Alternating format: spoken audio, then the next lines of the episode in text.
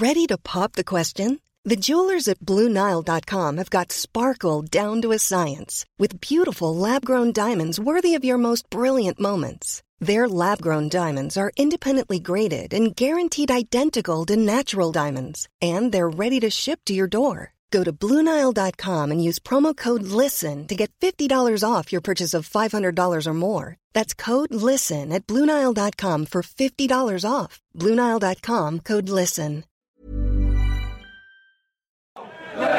Insane!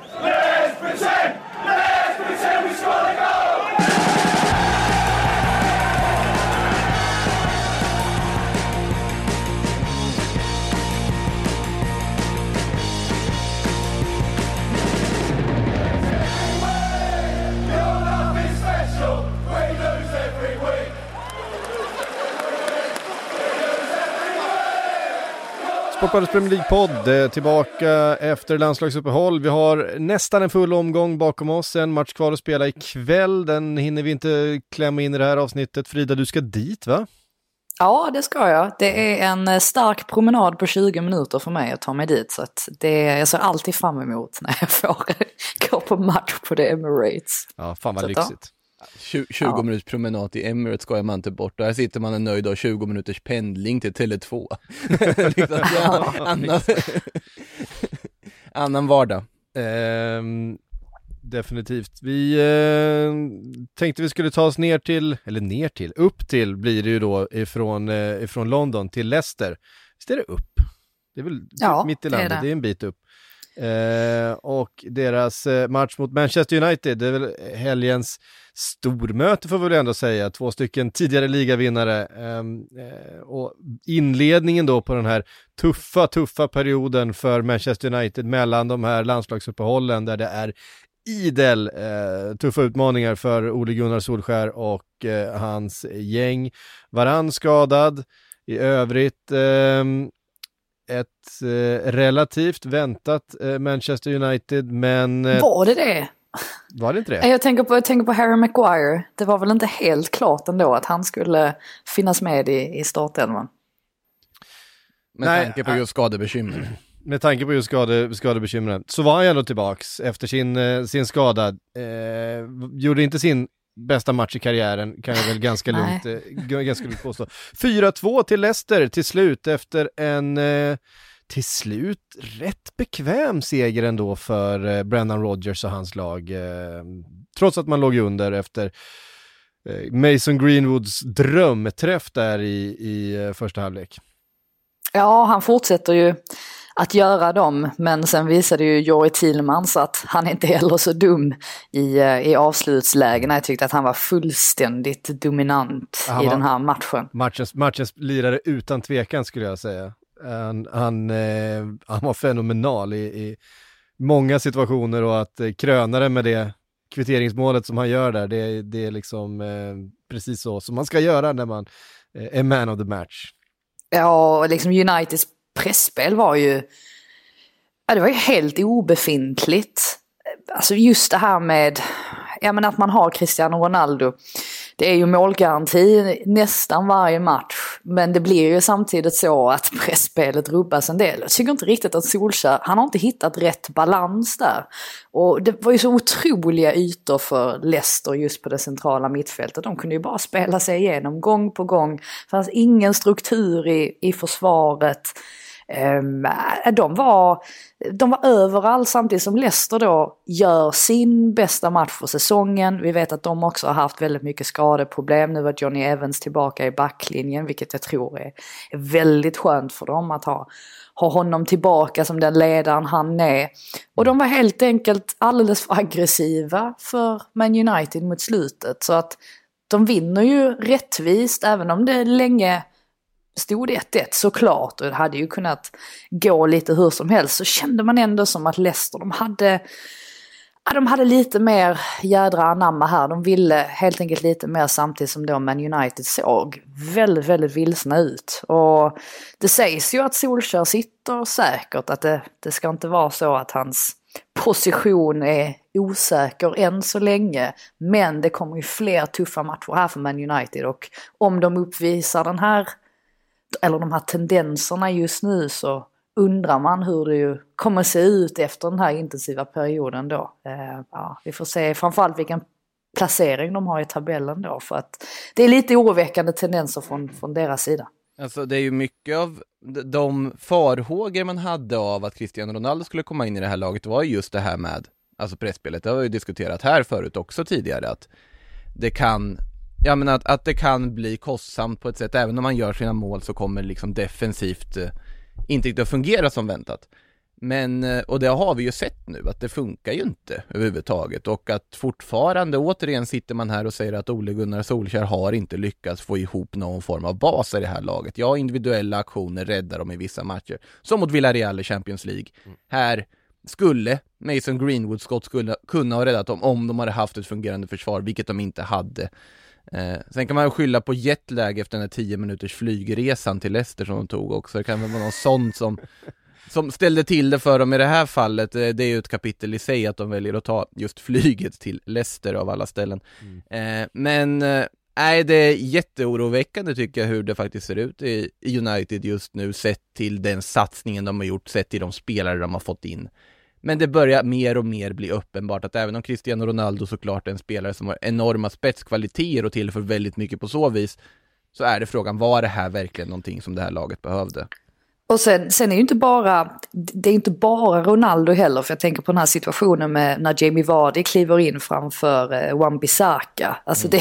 det, det, det, det, var väl helt enkelt så också att de var, de var mer på hugget, Leicester-spelarna. De satte hela tiden United under press. Och de klarade inte alls av det för att Man United har ingen struktur egentligen utan boll. Alltså, visst, de kan ha det mot motstånd som kanske vill behålla bollen som ja, men Man City som de ju oftast gör väldigt bra insatser mot. Men nej, här var de all over the place. Så att nej, samtidigt som då Leicester givetvis, man måste hylla dem också för att de gör ju som sagt en av sina, eller kanske då sin allra bästa insats den här säsongen.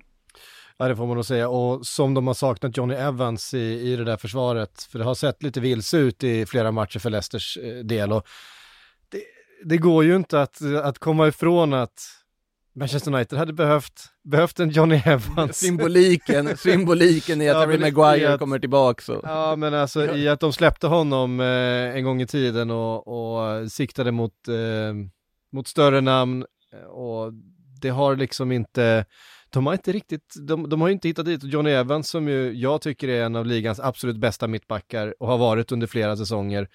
Eh, och det är sån enorm skillnad när han spelar och när han inte spelar eh, för Leicester. Och, eh, han är en riktig ledare liksom i, i det där försvaret och ja, så viktig. Eh, det... Man märker på Soyuncu också att han har ju varit lite svajig stundtals när inte Evans har funnits med där. Det var ju just bredvid Johnny Evans som han var så fruktansvärt bra i sin första säsong. Lyfter ju sig här också. Och det känns som att han får ett annat självförtroende och andra möjligheter med Evans bredvid sig så att det är jätteviktigt för Leicester att har fått tillbaka honom. Och sen Patson Daka i målprotokollet, han blev så glad av att se hur lycklig han blev av det där 4-2 målet där när han ja. äntligen får näta för Leicester. Det är ju en spelare som eh, de ändå har stort hopp på framöver, betalar mycket pengar för och som ju ändå är bakom Vardy Nacho i rangordningen men är ju spelaren som ska på något sätt axla Vardys mantel i framtiden. Och det känns som att han behövde det här målet bara för därför att liksom komma igång på allvar. Det är ju rätt så intressant nu att eh, Zambia och Albanien lade sig till nu i helgen över listan över nationer som har gjort mål i Premier League. Så nu är det 105 nationer som har gjort mål. Kan tillägga att Sverige är på 18 plats med 33 spelare. Mm. Det, är inte, det är inte helt värdelöst men vi är samtidigt efter både Norge och Danmark vilket inte känns helt okej. Okay, blandade känslor. Ja, Vilken dansk är det som har gjort så mycket mål i Premier League då? Eller är det, det kanske är uppdelat på flera danskar? Niklas Bentner, hallå? Ja just det, just det, just det. Ja, alltså det är ju, det är ju, alltså det är ju många, alltså det är ju 33 spelare för Sveriges del. Det är många olika som har, som har gjort mål. Ja i och för sig, Ja. det är inte som att? Sverige har haft någon som har gjort jättemånga mål på en säsong heller, så att det är sant. Eh, Men det, det- spelar ju ingen roll. Nej, det är inte hur många mål, det är hur 33 många olika spelare. som har gjort mål. Jo, jo, jag, jag förstår den, den delen förstår jag, men det måste ju, om det ska ligga högt på en sån lista måste ju ändå säkert någon av dem ha gjort ganska många mål också. Men listan handlar ju bara Nej. om hur många från ett land som har gjort mål, inte hur många mål som har gjorts. Ja, hur många totalt? Aha, okej, ja, jag glöm, Nu trillade glöm, på- ja, nu, Oj. Trillade polletten ner. Det tog, vad är det som händer? måndag, måndag säger jag bara. Eh, Oroväckande. Om det här har varit en annan form av podd hade jag sagt klipp bort det här, men jag vet att sånt gör vi inte här i Premier League-podden. Så Vi får att, se. Här får man vi stå får för se. sina misstag. Exakt, precis. det är djungelns lag som gäller. Ja. Ja, nej, men, eh, såklart en viktig seger för, eh, för Leicester eftersom de har ambitioner. Två säsonger i rad har de varit uppe och missat den där fjärde platsen med eh, en hårsmån verkligen i sista omgångarna. Nu har de eh, inte inlett så eh, starkt. Eh, kommer behöva den här typen av insatser för att eh, jobba sig tillbaks upp mot en ny push topp 4 även om det ser tuffare ut än någonsin med, med tanke på motståndet. Eh, Manchester United, vad, jag vet inte, finns det något annat att tillägga? Svag insats, obalanserat, Alltså där, där de är just nu. Alltså man förstår ju varför Ole Gunnar Solskär i liksom teorin har plockat ner Paul Pogba på in i mittfältet för att det finns så otroligt mycket offensiv kvalitet som du vill ha in i den här startelvan. När man har Sancho, Bruno Fernandes, Greenwood, Ronaldo, Pogba och så vidare. Men det är ju uppenbart att han inte har lyckats sätta ett system där det fungerar med en ensam sittande mittfältare i form av Nemanja Matic i det här fallet. När United har fungerat som bäst, då är det ju med Scott McTominay och Fred. Mm. Med två sittande och Pogba längre upp i banan med mer kreativ, liksom, kreativa möjligheter. Så det, det är ju ett läge här där egentligen eh, Ole Gunnar måste ta ett svårt beslut, det vill säga han måste välja vilka tre offensiva spelare han ska använda. Cristiano Ronaldo antagligen, Bruno Fernandes antagligen och så är det ju Sancho eller Greenwood som på något sätt hamnar på bänk och då ska ju in Rashford i den ekvationen också. Men uppenbarligen så är United ett läge där det här laget, som då Solskjaer har byggt det just nu, som han har med dem liksom, den taktik han har implementerat och så vidare och lyckats implementera, så är de som bäst när de har två andra sittande mittfältare och Pogba längre fram. Och då, Ja, och det är ju någonting vi, vi har pratat om detta i, Ja, hur många år är det verkligen. nu? Fem år? att de behöver det, en är, det är defensiv oroväckande. mittfältare. Det är oroväckande att vi fortfarande sitter och pratar om det. Eh, och nästa söndag är det dags för eh, rivalmöte då på Old Trafford mot Liverpool. Eh, det är en viktig match för inte minst eh, Manchester United faktiskt. Ehm, ja, har höjts lite. Ehm, de är lite oroliga nu för att tydligen så har det diskuterats ganska friskt i sociala medier att det kanske ska komma en sån här rond två i protestaktioner. Så att de har eh, hört av sig till Manchesterpolisen och förbereder nu för att inte bli tagna på sängen som de ju blev i, Mm. i maj när de lyckades storma arenan och sådär. just det. Eh, så vi får se, eh, vi får se hur, det, hur det går. Men ja, Liverpool anländer ju definitivt till den matchen med större självförtroende än vad United gör. Ja, det får man säga. Liverpool som slog Watford borta med 5-0. Frida, du var där. Ja, Det det var, var, jag. det var inte helt jämnt i den här matchen. Ah, herregud. Det är... Vi satt uppe på pressläktaren eh, och minuterna tickade ju förbi. Och jag satt och följde, jag sitter aldrig och följer statsen, alltså expected goals och eh, passes succeeded, eh, shots on target, alltihopa. Jag har aldrig sett en kolumn stå som noll under så många, eller under så lång tid. Alltså det tog, det var ju inte förrän i mitten av den andra halvleken som de ens eh, ja, men landade på så här 0,36 i expected goals. Det stod alltså, jag, eh, nej, det, det indikerade ju verkligen att det här var ingen bra insats från, eh, från Watford. Det är klart att man ska hylla Liverpool och vi kommer in på det här med hur bra Mohamed Salah är, att Trent Alexander-Arne var tillbaka och så vidare, Firmino som gör hattrick. Men någonstans så måste man ju konstatera också att ingenting funger- fungerade för Watford. Pressspelet var helt obefintligt. Också det här att ja, men beslutsfattningen var helt off som eh, Adam Massina exempelvis som eh, hela tiden hamnade mitt emellan. Man vet ju om när Trent Alexander-Arnold eh, har bollen så kommer han vilja driva upp med den. Han är ingen, som, ingen passiv högerback som, eh, som faller tillbaka. Men Massina hade så otroliga problem att veta om han skulle kliva upp eller om han skulle falla. Vilket resulterade i att Mohamed Salah blev helt själv hela tiden. Och så kan man inte spela mot Liverpool. Så att de sköt ju sig själva i fötterna. Den enda totalt sett i Watford som jag tycker över hela matchen som var helt okej okay, var Cissoko och då var ju inte han heller sitt bästa jag men han försökte i alla fall. Tyckte väl ändå Couture Hernandez också försökte och Sar hade väl någon, någon halvdan chans där i, i andra halvlek. Men nej, de var helt under isen så att Claudio Ranieri har ett, eh, ett riktigt tufft jobb framför sig där om han ska få dem på, på banan igen. Nu kommer man ju möta enklare motståndare än Liverpool men det säger ändå någonting när, när det var så mycket som inte fungerade och de ser ganska...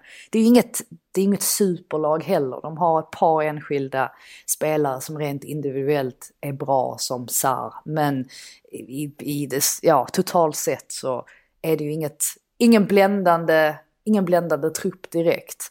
Och eh, ja, Ranieri såg väldigt frustrerad ut vid sidlinjen och gestikulerade och slog ut med armarna och jag tyckte det såg ut som att det hela tiden var pressspelet han var på att, att eh, klaga på att han tyckte att de inte var tillräckligt synkade. Men eh, nej, eh, en eh, fantastisk uppvisning av Liverpool. Jörgen Klopp var väldigt glad. Han, eh, han log brett i alla fall. Ja, du fick en, en pratstund med honom efteråt.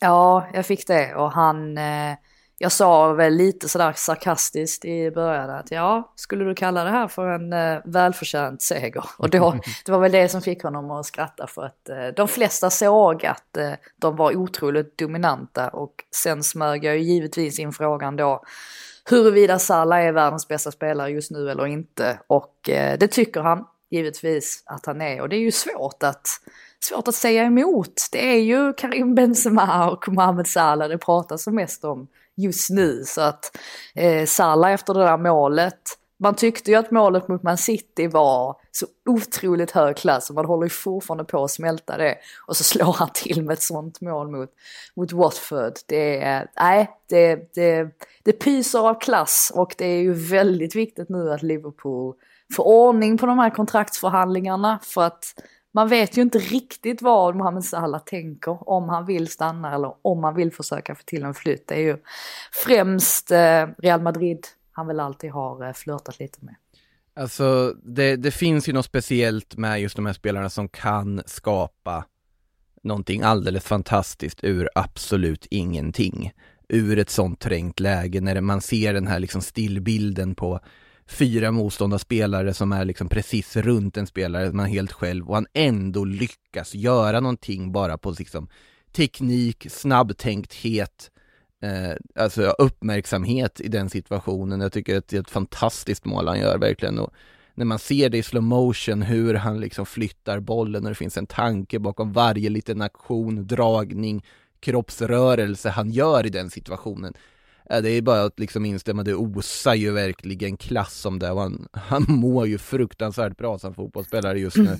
Sen ska man ben, inte... För, ja. Men ben Foster sa det väldigt bra efter matchen. Han, eh, han sa någonting i stil med att ja, Mohamed Salah måste vara den bästa spelaren i världen. Han får målvakter att tänka, gode gud, låt honom inte skjuta.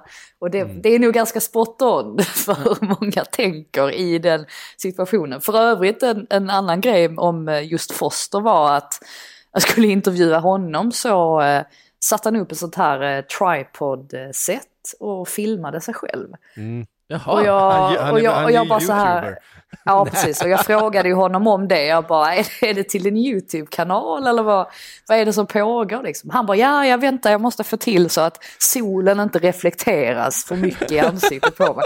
Och jag tänkte, vad är det här? Men han är ju helt underbar. Eh, gå in och kolla på hans kanal om ni inte har gjort det. Han, han ska ju få godkänt tycker jag för den här matchen också, även om han släpper in fem mål. För att han räddade ju faktiskt några Salah-skott med, så att, ganska fina Ja, det, det, det enda jag tyckte väl, alltså med, kring honom var väl att di, hans distribution var inte sådär jättebra. Det var ju ett av Watfords stora mm. problem att varje gång de höll i bollen så tappade de den direkt. Mm. Och det var oftast efter utsparkar som, som den, eh, ja, det bara liksom dök rakt in i gapet på en Liverpool-spelare. Så var man tillbaka till, till försvarsposition. Så att nej, de kom inte alls, kom inte alls in i den här matchen.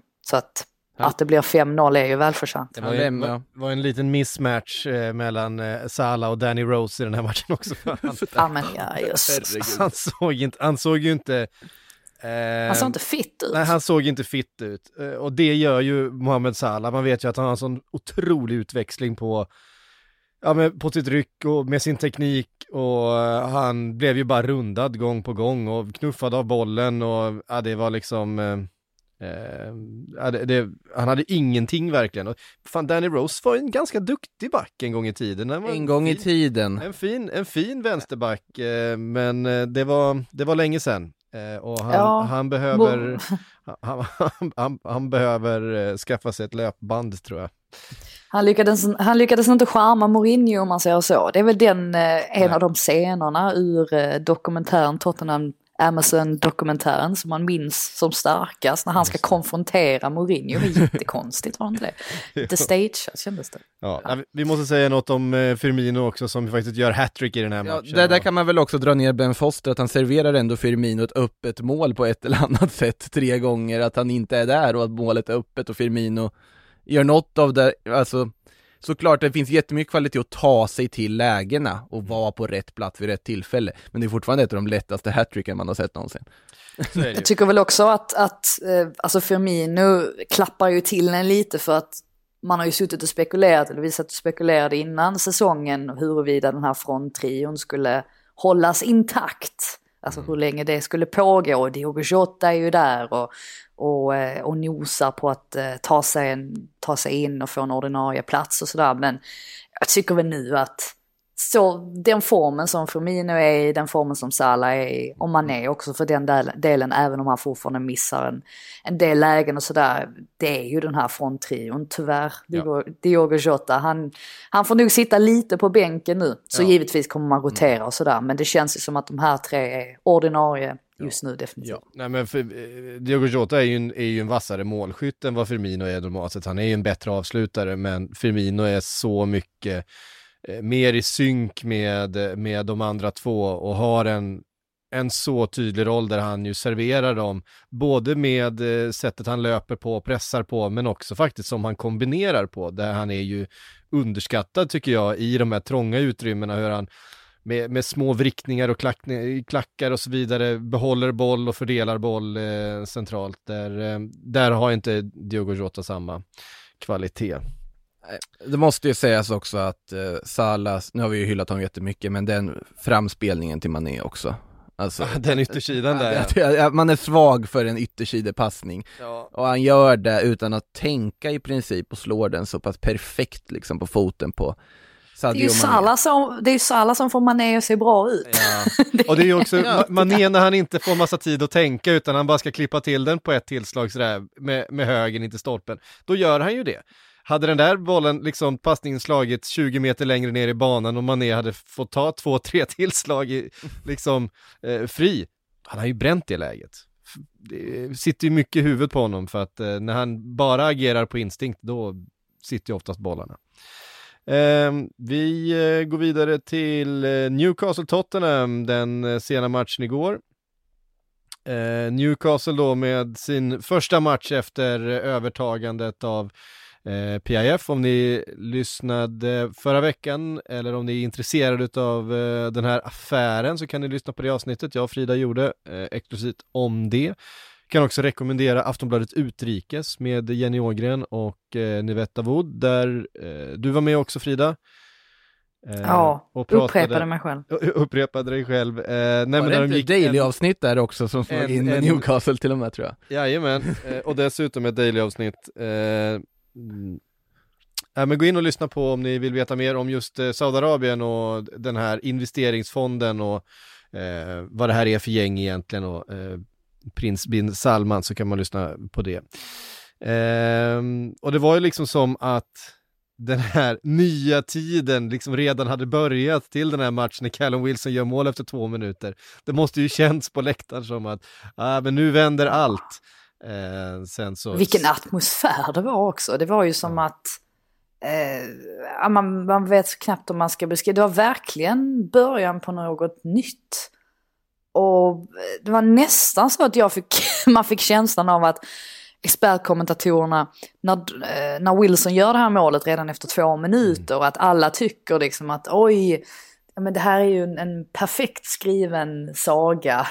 att, att alla liksom för, för några sekunder glömde bort det här med Saudiarabien och allt det kontroversiella kring det här övertagandet Det bara drogs med i hela den här euforin som ju ut, utbrast på St. James' Park. Men å andra sidan så kom ju verkligheten snabbt ikapp också där när Tottenham väl började spela fotboll. Det var väl säkert lite så att Tottenham blev lite påverkad ändå av den här stämningen. Det skulle inte förvåna en om man var så. Eller om det var så. Och samtidigt då som Newcastle-spelarna vet att de måste ju verkligen se till att göra bra insatser nu om de ska bli kvar i Newcastle ens ha ett jobb nästa år. Eh, tror ju tyvärr gick att din favorit John John Shelby, han sa ju faktiskt, han var ju en av de första spelarna som uttalade sig efter Såklart. övertagandet och sa ju att ja, men när vi vinner Champions League då är jag nog inte kvar och jag kan väl Nej. bara hålla med honom att han gjorde inte det bästa Men, men kan man kalla honom som någon form av liksom uh, frihetskämpe och att han ändå går i bräschen här, att han visar att jag tänker inte gå med på den här sportswashingen, nu tar jag ett rött han, och han var, inte, han var inte jättekritisk i den ah, där okay, intervjun nej, så att nej, då, det tror jag inte. Nej, alltså, man ska inte förvänta sig några, några större politiska, äh, geopolitiska analyser av John Joe Shelby. jag tror inte det. Eh, men, eh, men Två snabba gula kort är det här emot. det, det, kan man förvänta sig. Traditionsenligt. Nej, det var, vilket Nej. inhopp. Nej, det, var, det var fascinerande att se John Shelbys inhopp. Eh, och en annan grej man givetvis tar med sig då, det är ju att Harry Kane till slut ja. får göra sitt första mål och att han får hjälp av VAR för att få det godkänt. och att han faktiskt var bra också. Alltså han gör ju en bra match också, det är väl en av hans bättre han har gjort sen hela den här alltså sommartransferhistorien att han har ju inte sett så bra ut innan och nu får han ju ändå både göra mål men också liksom allmänt spelmässigt mm. se betydligt mycket bättre ut. Men han kanske också såg det som en audition. En Dombele var ju eh, en Dombele var ju en annan spelare som stack ut, särskilt där hans, hans mål. Det är väl klart att man kan tycka att Lasell ska upp och, eh, upp och pressa honom lite där. Men eh, avslutet var det ju definitivt inget fel på. Den där aktionen vid hörnflaggan som har vevats ibland lite på sociala medier är inte helt dum heller på, på en Dombele. Det, man märker ju att han det har finns ju det där. Han har, han, har, kvalitet. Ja. han har ju det där, det vet vi ju eh, och har sett tidigare också, men det ska Eh, det ska stämma och det ska stämma under eh, eh, Nuno och det har det väl inte kanske gjort, eh, ja, visst, de tre första matcherna som ju var tre segrar, men då såg det helt ärligt in, ganska knackigt ut. Jag skulle säga att det här är nog den första matchen du har sett, eh, ja men, enhetligt ut och där mm. Harry Kane har kommit in i, i handlingarna på, på ett riktigt sätt och, och bidragit. Eh, det, det kommer vara såklart enormt avgörande. De behöver en Harry Kane. Sen tänkte jag på det också, det här var ju så det alltid var med Harry Kane för några år sedan. Han var ju aldrig bra i början på säsongerna. Jag vet inte hur många säsonger det tog innan han gjorde ett mål i september överhuvudtaget. Eh, ja, augusti i alla fall. Augusti, augusti, ja, augusti, augusti, augusti, göra mål. augusti var han inte kunde göra mål. Eh, men med tanke på att han var skadad och det som hände liksom, eh, så kanske vi har bara skjutit fram den här perioden. Han kanske trummar igång nu då, när vi är inne i oktober. Eh, och så kommer vi få se en riktig Harry Kane igen för att eh, det är ju en... Jag är ju, jag är ju fortfarande, fortfarande inne på det här att han bara har Ja men vissa hävdar ju att han, åh, han har tappat eh, motivationen det till att spela för Tottenham. Nej, jag har ju varit inne, jag har ju varit inne på det här att jag tror snarare att han har försökt för hårt eh, och för mm. mycket och tycker att man har sett de tendenserna i landslaget också så att nu när han fick det här målet så kanske, kanske kan det börja, börja vända för honom. Han fick ju ett kollektivt John Joe Shelby hattrick i alla fall. Det var, det var, alltså, det var ju drömmålet från Dombele och så röda kortet från Shelby naturligtvis och sen självmålet på Ja, Eric på Dyer Eric. Dyer. det, det, det kan man ju säga, säga en del om också, hans självmål där och man kan ju ställa sig frågande om han verkligen ska spela mittback i ett Tottenham som har ambitioner men eh, i Nej, det här, det, ska han inte. Nej, kan- i, i det här fallet i alla fall så nu över sminkades ju det av att man ändå tar tre jättetunga poäng sett till hur ändå säsongsinledningen varit. Visst. Och fortsatt tufft för Newcastle. Fan, de måste ju rädda ett nytt kontrakt här om de ska kunna locka några spelare med alla miljarderna. Då vill det till att man ligger i Premier League. Vilket Championship-lag de kan bygga ihop. Vi trodde att Wolves eh, upplagan där som gick upp var den bästa vi har sett i Championship, men det kan nog... Ja, precis. Det kan, det kan bli något. Eh, Brentford, Chelsea. Eh, 1-0 efter mål av Ben Chilwell, men de, de har inte riktigt, de har inte turen med sig här, eh, Brentford alltså. Borde det Nej, varit, borde det varit. Ja, det är, det, det, Brentford har ju ingenting att skämmas för i den här insatsen, det kan vi konstatera i alla fall. Det, även om man förlorar, det är ju marginaler man inte har med sig och man har Edouard Mendy mot sig också. Mm. Eh, vill du göra en liten eh, throwback här till när vi satt och diskuterade Donnarummas situation i Sillypodden. Det var väldigt mycket prat här om man, man borde man byta ut Edouard Mendy eller inte. Ja. Eh, nej, det borde man absolut inte. Nej, jag var ju lite, jag har ju varit lite sådär eh, kritisk mot Mo- eh, Mondi, lång som han är, så han är, nog den, han, är, han, är, han är nog den längsta målvakten som jag har kritiserat tidigare, men, men jag tycker han har ver- verkligen vuxit in i den här rollen och, och eh, är ju en nyckelspelare för Chelsea. Ja men exakt, det är väl det att han har vuxit in i det. För att han, han var inte så stabil Nej, det inledningsvis. Det var lite skakig. Så att det har verkligen kommit eh, efterhand här. Och, ja, det, det är väl inte så, man är inte förvånad över att Thomas Frank gick fram till honom efter slutsignal och sa någonting i stil med att du, eh, ja det var synd att du spelade så bra idag för att han var ju inte missnöjd direkt. Han, vad är det han ska vara missnöjd över egentligen? Jag menar Brentford pressar ju Chelsea här.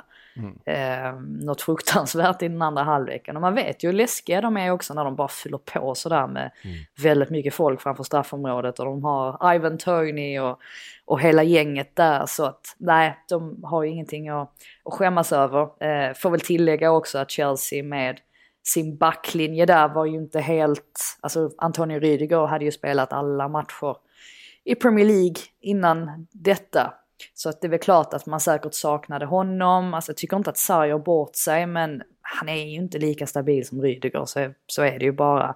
Ehm, sen hade man ju Christensen där i mitten i och för sig och jag tycker Chalobah att han också är väldigt bra men det är väl klart att, att det var ett, ett avbräck. Och dessutom där Chelsea tappar matchen det tycker jag är när Kovacic kliver av. Det är inget ont om Mason Mount men Loftus Cheek blir, ehm, eh, alltså de blir lite exposed då där på det def defensiva mittfältet och då, då känns det som att som att eh, Brentford tar chansen lite grann att, att trycka upp så att eh, nej, eh, de hade verkligen tur i den här matchen Chelsea. Å andra sidan, de får med sig alla tre poängen, eh, leder tabellen så att de hade ju marginalerna på sin sida definitivt. Det känns som att, jag tycker det är konstigt att Antonio Rydiger ändå ryktas vara på väg bort så mycket som han var under sommaren och även under vintern. För det är uppenbart att det, det är ganska underskattad Ja, mittback. Men det var, men det var det ju inte, det var ju inte konstigt för att alltså under Lampard så hade han ju först den här hösten där han, eller när han kom tillbaka från sin skada där han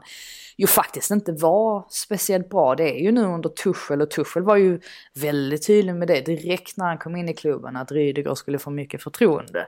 Så att det är ju nu som han verkligen har växt ut till den där ledaren och faktiskt eh, ja, men presterat konsekvent oerhört bra och han verkar ju trivas väldigt bra i en trebackslinje också. Så att eh, han fick ju frågor om det här under landslagsuppehållet också. Om ryktena till Bayern München och sådär och han verkar väldigt inställd på att stanna i Chelsea och, och det är inte så konstigt med tanke på vilken ställning han har i, i laget just nu. Nej. Eh, Romelu Lukaku, eh, mållös igen. Jag tycker han borde fått Ja. en assist.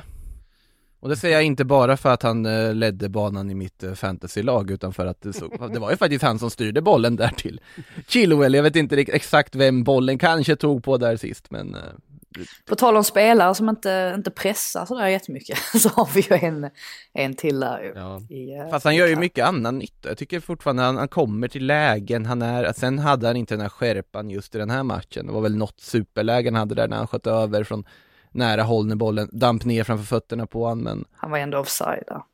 Ja, det är vilken också, det är också i och för sig. Jag hade blivit offside-mål till och med.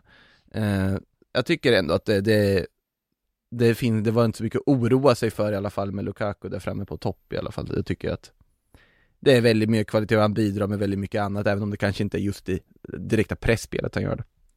Vi, vänt, vi väntar lite då med, med målkritiken mot, eh, mot Lukaku.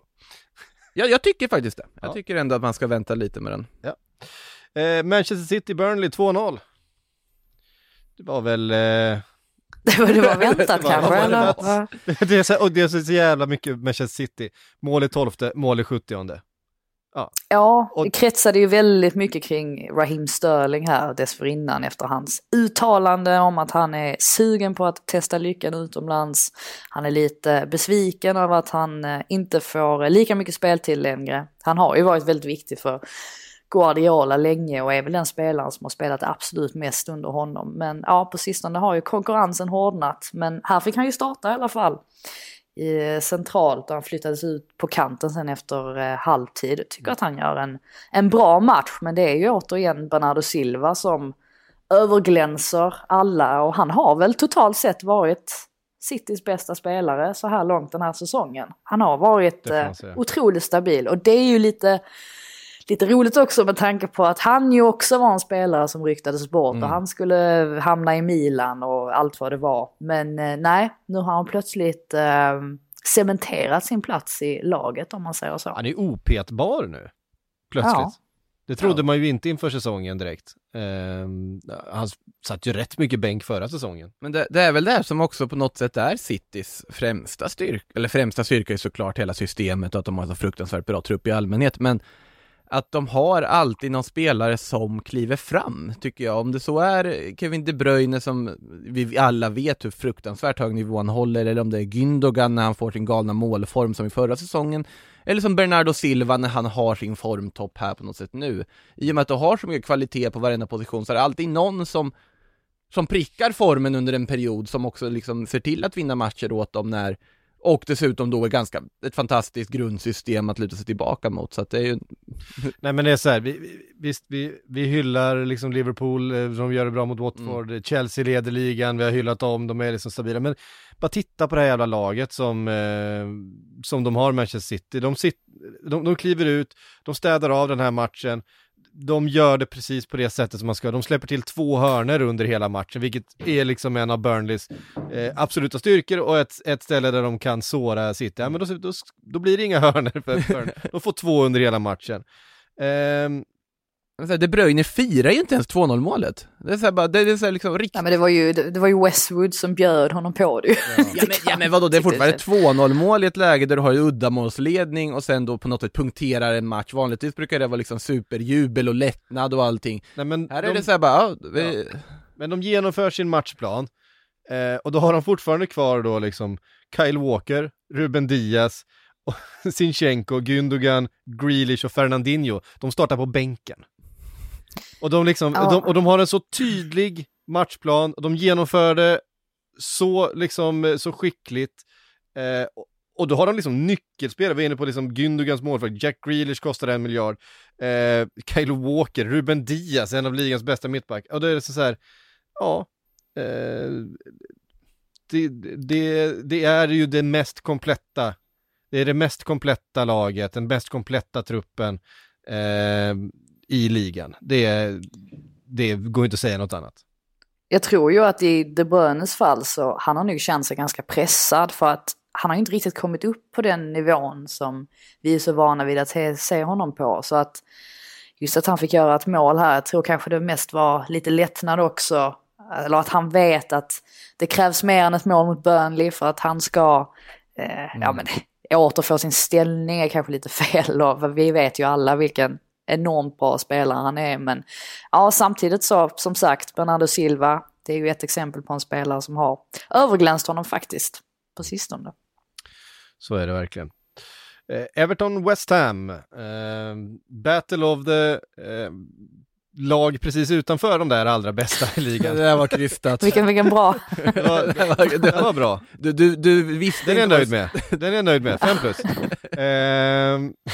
Det blev till Du är inte helt fel för jag tycker att det finns ändå rätt många, det finns så många paralleller man kan dra mellan Ja. de här klubbarna på något sätt. Och det, är inte, Ja. det beror inte bara på David Moyes men det är klart att det, det, det hänger ju först, det är ju förstås också det är en av anledningarna till att man, man tänker lite på Everton när man tänker på West Ham nu för tiden. Ja men det är verkligen eh, två lag som känns otroligt jämna och, och det, var, det var väldigt jämnt i matchen och det var svårtippat inför.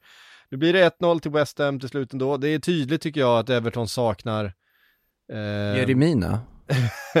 Nej, kanske inte, men eh, Calvert Lewin, däremot så saknar. Calvert, eh, eh, Calvert Lewin att stoppa in den där banan för att de skapar ju rätt farliga målchanser Everton. Eh, och de är ju där och det, de får till de här det här trycket inne i boxen men saknar, alltså Salomon Rondon i all ära, han är inte den han en gång var och han är framförallt inte en eh, Calvert Lewin. Eh, när det kommer till att stoppa in bollen i mål. Där har du någon, en till likhet med Everton och West Ham, att det är ju just de två klubbarna man förväntar sig skulle kunna tänka sig plocka in Salomon Rondon på en deadline day. det, det är ju just de två klubbar man tänker här, men det, det skulle kunna ske. Eh, men det är Richarlison också, såklart, supersaknad Ja. här. Det är ju, Definitivt. så att, eh, alltså jag tycker fortfarande det finns väldigt mycket positiva tendenser i det här Everton med under Benitez. Här. Jag tycker att eh, Alltså spelare som man kanske inte tänkte så mycket på att de plockat in i säsongen som Townsend och Gray och så vidare. Det tycker jag visar att det var väldigt fina värvningar hittills. Man har en struktur, du har någon form av idé med alltihopa och eh, ja, Ja. sen det har Då kan, ju jag- då, också kan, jag- då kan jag fortsätta, jag, jag kan fortsätta upprepningarna då som vi säger varje vecka med att tillägga att Everton har ingen bred trupp. Nej. That's it. Det, och det är någonting som, som ligger dem i fatet. Så ibland blir det lite så att analyserna blir samma vecka in och vecka ut. Men det är ju för att ingenting har förändrats på den fronten. Det är kommer lagen gör samma sak vecka in och vecka ut också. Nej, Nej, och det är två tränare som, som, som kan den här ligan, som kan det här spelet, som, som vet hur man ska få ut eh, det mesta av sina trupper. Ehm, inte mycket där heller, jag menar eh, Benitez och David Moyes, de har, de har mötts på den här arenan ganska många gånger tidigare, fast eh, eh, inte... Och, det, och det var det första, jag tyckte det var roligt när eh, de intervjuade David Moyes, han, han fick säga någonting inför matchen om, om Rafa Benitez och så han sa ja, ja, det är ju lite konstigt att gå från Liverpool till Everton, men, eh, men annars, ja, han är ju han är kompetent, det är ju det är en, det är en duktig manager. Men han, han, man förstår att någon som har suttit och varit där, som har varit så mycket Everton som David Moyes, att det, det är fortfarande lite konstigt att, att eh, Rafa Benitez eh, tränar den där klubben. Ja. David Moyes är ju för övrigt en av de överlägset trevligaste tränarna. Det tror man kanske inte riktigt om man liksom bara ser det utifrån. Men han är verkligen en, en väldigt bra person. Så att eh, back-to-back wins här för West Ham mot Everton. Det har inte hänt på 90 år tror jag det var, någonting sånt. 91 år. Så att, eh, ja, starkt. På, på, tal om, eh, på tal om managers, vi glömde faktiskt säga det eh, eh, när vi pratade Newcastle och Tottenham tidigare, att det var faktiskt Steve Bruce tusende match som tränare. Ja, det kan nog bli den sista också. Så- det, det kan det bli. Eh, Man tycker synd om eh, Steve Bruce ändå. Det är ju hans, det är ju hans eh, liksom pojk. Ja, Jag Alltså, kan det, inte, ja, är grejen är hans- så här, jag, jag vet att det, det, ja, det dyker hela han tiden upp det här med att det är med den här klubben liksom och nu får han liksom träna den och så har han bara fått skit. Ja, fast de har ju Jo, varit fast- skit. Sen samtidigt så är ju han otroligt otrevlig mot journalister generellt.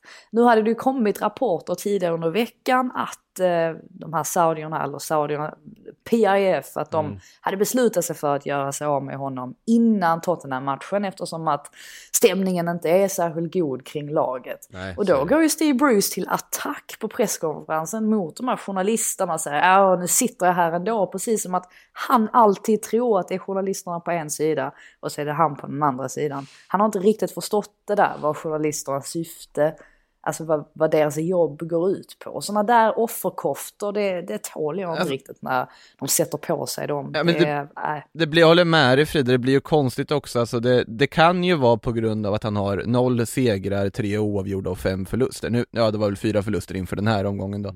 på de första matcherna med materialet man har, som gör att eh, det, det liksom florerar uppgifter Ja. om att han ska lämna och då, då är det inte som att de hitt- hittar på de här uppgifterna och går ut och skriver att eh, saudierna ska liksom göra sig av med Steve Det är Bruce. klart att han är rökt. Ja, det, men det, jo- jag bara, jag, jag bara, jag bara, det är liksom, jag, men det var, och det här är ett resonemang som jag, som jag läst på, eh, i en nyhetsartikel, eller i en, i en krönika. Men det är ju någonting som är lite sorgligt med att han fick ju aldrig representera Newcastle som spelare, han växte upp med den klubben, det är hans liksom, det var den klubben han höll på, det var en av anledningarna till när han fick sparken från Sunderland var ju för att han vid en presskonferens sa att ja, ja, jag är ju Newcastle-supporter i grund och botten, det kan man liksom, ja, så att han, det liksom eh, gjorde ju bort sig där. Och nu har han äntligen då fått träna Newcastle efter en liksom en lång karriär, så han konstant från dagen ett bara fått höra bu från Jo, läktaren. Han har blivit en, han har varit en, Ja, mest han, hade, han blev väl månadens tränare där. Var väl någon... Han, han fick no- också, men inte, det, den, kandidat den fall. delades inte ut av Newcastle-supportrarna kan jag säga. han är typ den enda tränare som någonsin fått en transferkassa att jobba med från Mike Ashley, så att alltså jag vet inte riktigt hur synd det är. Han kom in liksom serverat på ett silverfat egentligen, Rafa Benitez får liksom gå ut och panta burkar för att ha råd med att köpa spelare, medan Steve Bruce får liksom allt serverat, ja men, ja men lägg de här pengarna på den här spelaren om du vill. Det var liksom, han hade ju fria tyglar och förvärva Saint Maximin och allt vad det var. Så att, alltså jag vet inte om det är så synd om det är ju en resultatbaserad bransch det är också. klart- det är Jag, tror att han är, han är, han är säkert en, en jättetrevlig människa utanför fotbollen. Men jag tycker att det, Det- märks ganska... Nej, det vet, vet jag inte. Ingen aning. Men jag tycker att det märks ganska tydligt att det är någonting som inte, som skaver. Mm. Alltså om man tänker, alltså inom själva klubben. Och det är ju det alla de här rapporterna som Hey everyone, I've been on the go recently Phoenix, Kansas City, Chicago. If you're like me and have a home but aren't always at home, you have an Airbnb. Hosting your home or a spare room is a very practical side hustle. If you live in a big game town, you can Airbnb your place for fans to stay in. Your home might be worth more than you think. Find out how much at airbnb.com/slash host. Alla stories som har rapporterats det senaste året, det är ju det de har pekat på att stämningen är inte sådär jättegod Nej. och att han ska vara en stor anledning till att det är så. Och då tycker man väl att ja, då är det kanske dags att, att, by- att byta. Ja, nej det är väl inget som tyder på att han tränar eh, Newcastle eh, nästa helg egentligen. Eh, det han, Ja, det, han, det, ja, vi får väl se, men det Ja, handlar näst- väl om att de ska få ja. in, ehm, ja, vem det nu blir som ersätter. Det har ju pratats om Lampard, har pratats om Steven Gerrard, eh, Conte. ja, Antonio Conte. Unai Emery är ju det senaste Ja. namnet. Och har varför skulle han vilja lämna Villarreal i det här Ska- ska- läget? Därför han kommer få extremt mycket pengar Ja, just och, det. eh, Det är väldigt hög lön. spelare för. Ah. Så enkelt är det. Eh, med det då så går vi över till Aston Villa Wolves. Jag hade ingen segway. Eh, Du behöver inte alltid ha den. Birming- Birmingham Derby. Eh, och jävla vad det svängde här hörni. Eh, Aston Villa alltså med eh, ganska trygg 2-0 ledning med 10 minuter kvar att spela. Det skulle ju bara, eh, det skulle ju bara liksom försvaras hem det här. Boom sa det, tre mål på raken. Size eh, Connor Cody. Eh, det är ju ingen målspruta direkt. Och, och, och Ruben Neves med det absolut sista som händer i matchen. Eh, 3-2 Men- till Wolves. Är ju lite ironiskt här för några veckor sedan att jag, jag hyllade eh, Aston Villas nya coach på eh, fasta situationer, Austin McPhee. Och så är det ju egentligen tre döda bollar man släpper in här på tio minuter. Jag tror inte att han var sådär jättenöjd. Han kommer nog skrika på skotska ganska intensivt efter den här kollapsen. För att det var, det var ju verkligen en, en kollaps. Lite grann den där, det där ändå att när, när Wolves väl får in den där första målet, alltså reduceringen, då känner väl de att ja, men de, får lite, de får lite hopp om att det här faktiskt kan gå. Så att nej, stjärnorna stod verkligen rätt för dem. Det får man lugnt säga. Ja, och så det där sista målet också. Det är sån onödig frispark att dra på sig i det läget. Eh, liksom en mer eller mindre en bortspelad boll och så kliver, vem är det Twans, jag vet inte vem det är från Villa som som eh, kliver ut och, och stämplar eh, Ruben Ja, det. Det var, tror du att det var Toan Sebe som... eh, Han hade ingen bra match i alla fall, det kan Eh, vi säga. Så var det. Eh, och till slut 3-2 till, eh, till Wolves. Spektakulärt. Nej, Ja, vi- ska vi säga så att den, att den tog också eh, alltså deflection på, eh, på taget ju. Alltså det hjälpte ju Neves i alla fall. Men Neves var ju högst inblandad i den här comebacken ihop med Traoré också.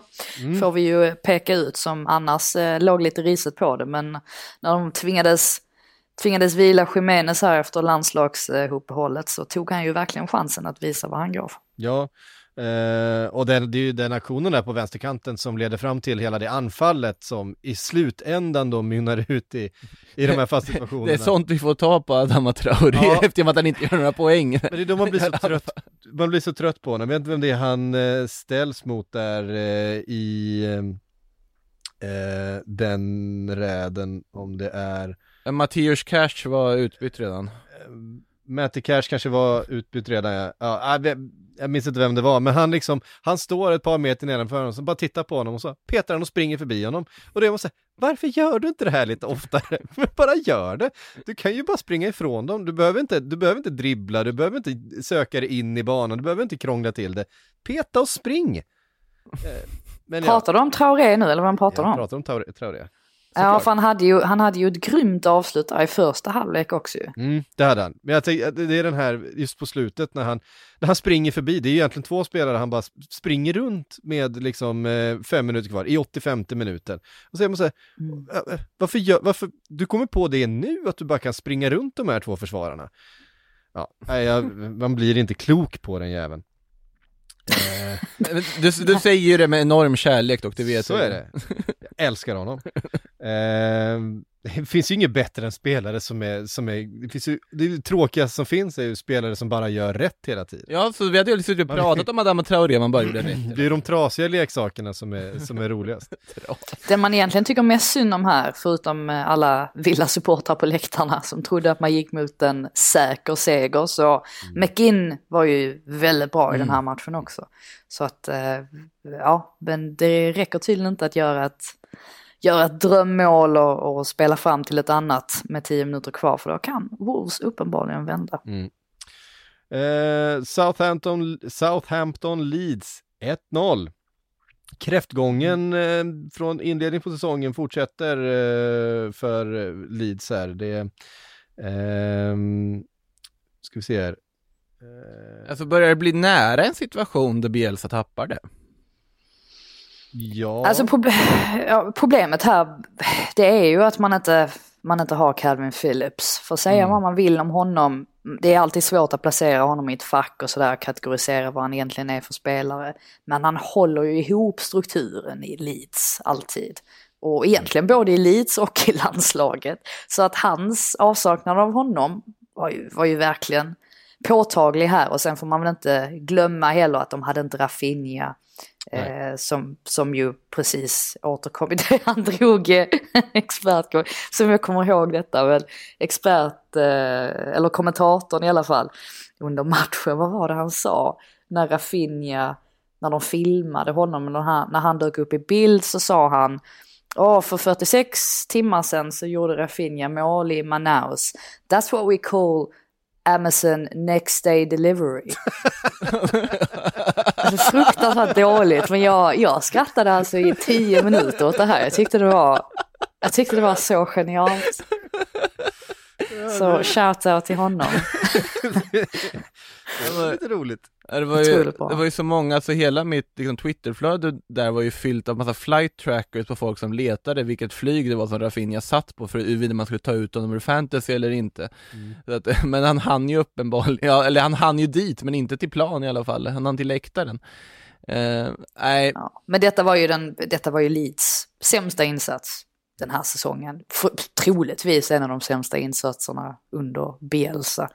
Och eh, ja, det, det, det bådar ju verkligen inte gott. Och vi, som sagt, pratar om det här med utebliven truppbredd. Det är ju inte som att Leeds har sådär jättemycket bredd de heller egentligen. På vissa positioner har de kanske, men inte, inte på andra. Och här som sagt märktes frånvaron av Calvin Phillips något oerhört. Det ska ju tilläggas oss- också att Ward Prowse inte spelade för Southampton i Premier League för första gången på tre år.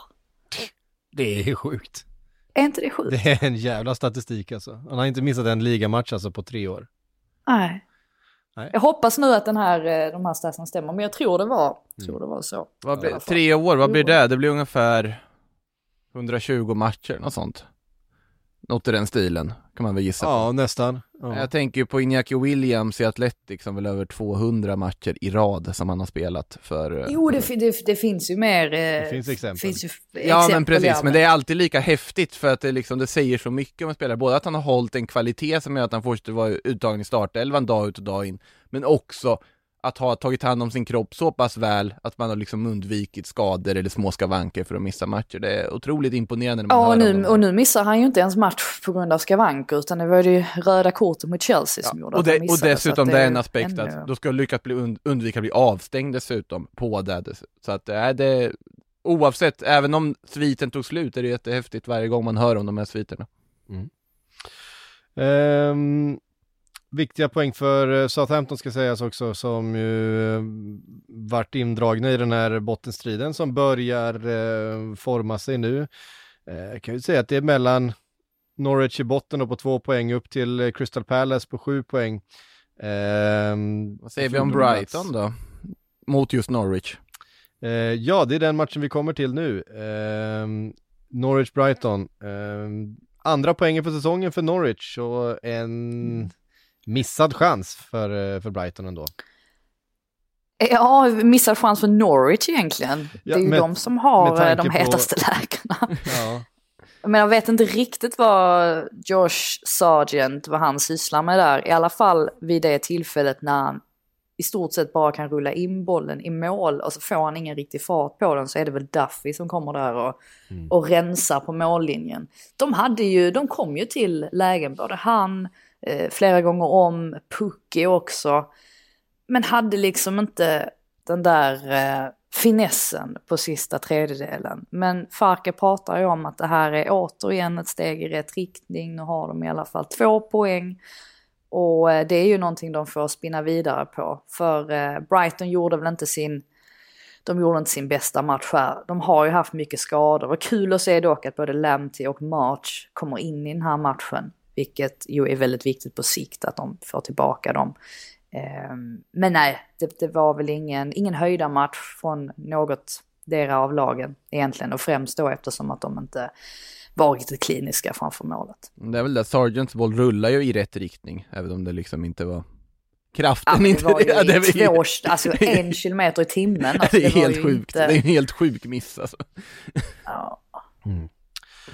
Ja, eh, det var matcherna det. Vi har några frågor vi ska svara på också innan vi eh, knyter ihop för idag.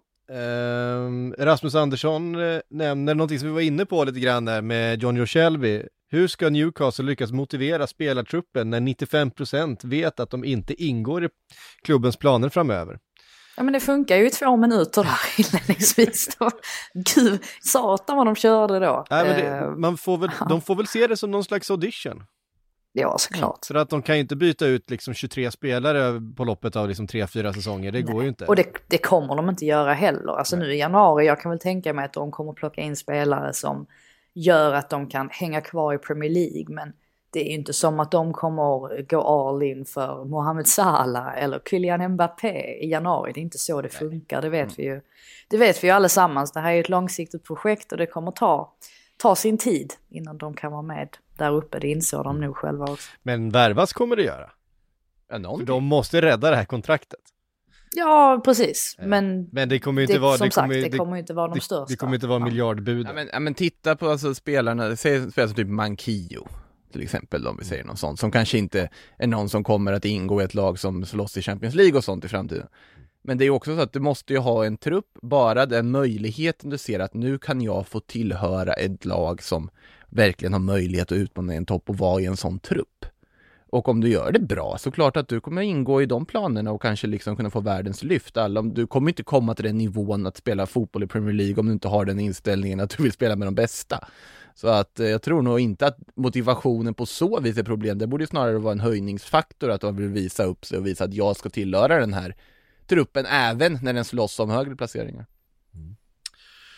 Eh, Atwa skriver, enligt Paul Scholes har Chelsea det sämsta försvaret av alla topp fyra lag Håller ni med honom? Ja. Nej, nej det, Ja. det ska jag inte påstå.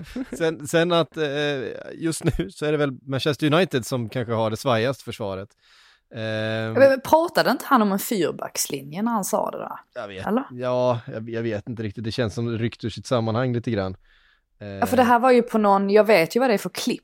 mm, Alltså det är ju någon, det är ju absolut inte i tv så, utan det är ju någon sån här, eh, eh, ja men där folk får ställa frågor och sånt. Och man får diskutera. Så det var ju vid ett sånt tillfälle. Men eh, nej, det, det är väl klart att man, det, att man inte håller med. Alltså Chelseas, en av deras, eller deras främsta styrka antagligen är ju deras defensiv. Men det är ju också för att de känner sig oerhört bekväma i trebackslinjen. Och sen så såg vi ju nu att när Rydiger exempelvis är borta, ja då kan det, kan det skaka lite mer. Men så länge han är, är skadefri och Christensen och, och Thiago Silva så ja, då är de ju orubbbara. Ja, verkligen. Orubbbara, orubbliga säger man. För det mesta. Ja. Ehm, Robin Ram skriver Prime Suarez 13-14 eller Dagens Sala och varför? Ja, det får du svara på. Ja, den är de- definitivt riktad till mig. Eh, nej men det är klart att eh, Suarez 13-14, framförallt under den eh, hösten och vintern där var ju helt, helt omöjlig att stoppa. Han gjorde ju fan hattrick var och varannan match. Eh, samtidigt så tycker jag, jag väljer ändå Salah. Jag tycker att han, han håller en högre nivå i spelet, han är mer involverad och dessutom en, en eh, karaktär, en spelare som är mycket lättare att sympatisera med.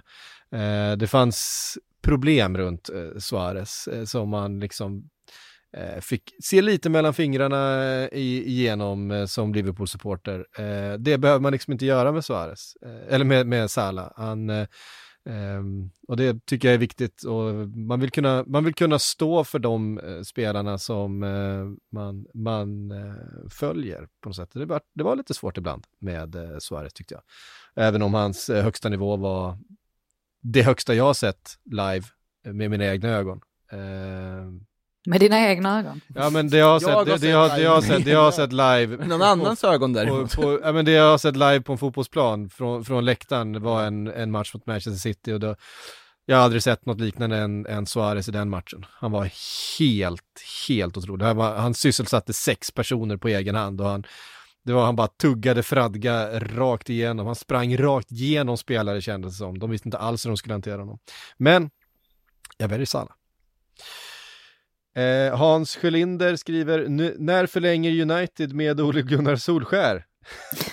Eller allvarligt, då måste de inte göra sig av med honom nu? Vad beror det på att han får vara kvar? Är det för att han har för många kompisar i föreningen?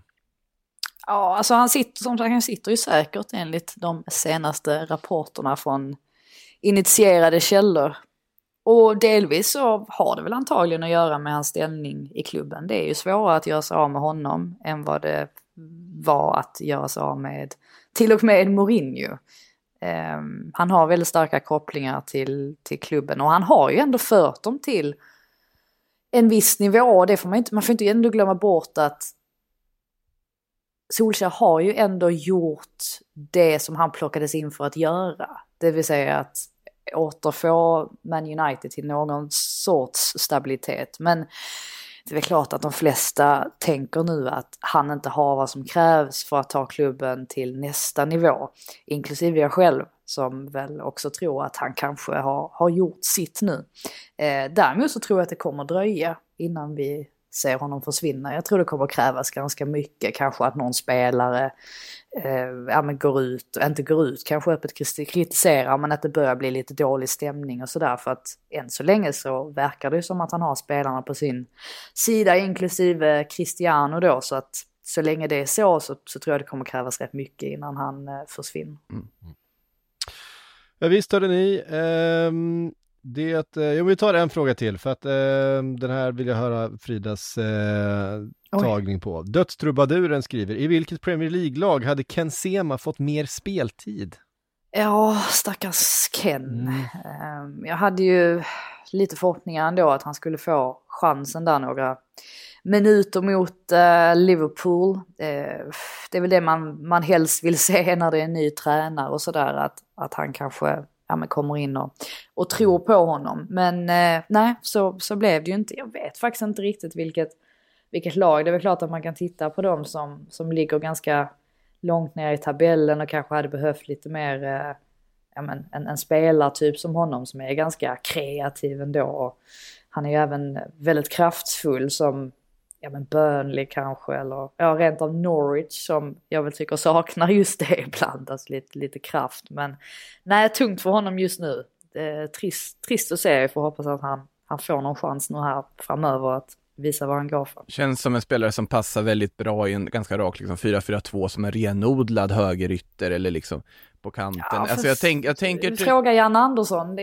det verkar ju inte han tycka. Ja men där har vi en annan, det finns en annan konkurrenssituation också på något sätt. Alltså jag tänker nu, nu är det ju så Premier League-lag, det är inte lätt om, om man inte platsar riktigt liksom eller får chansen i Watford är det svårt att hitta andra klubbar det skulle funka. Jag håller ju med om både Burnley och Norwich. Southampton var ett lag som bara dök upp i huvudet för mig där jag tänker att han skulle kunna bidra med lite andra Ja men vad dumma vi är, det får ju bli Brighton ju. Herregud, han får ju återförenas med sin... Uh, Fast då, då ska han ju in i den där uh, trebackssystemet då och spela som wingback menar du? Jo, men han har ju spelat under Graham Potter i x antal år så att han lär nog snabbt komma in i, i hans system. Sema på ena kanten, Kukureya på andra, varför inte? Ja, fast ja, wingback blir han ju inte då. Kan jag inte tänka mig. Fast då ska han spela som en av två fram då? Nej, men det, det kan, man väl, kan man väl anpassa. Det... Ja, kanske. Får vi bygga systemet runt honom. Ja, 3-4-3 är väl inget, inget främmande. Nej, det är sant. Det är sant. Så. Det är sant. Ja visst hörni, eh, nu så eh, ska vi knyta ihop det här och eh, gå på lunch. Sen eh, Sportbladets Premier League-podd är tillbaks om en eh, vecka igen. Eh, och sen så får vi följa då eh, Fridas eh, bevakning av Arsenal Crystal Palace ikväll. Med det sagt säger vi på återhörande.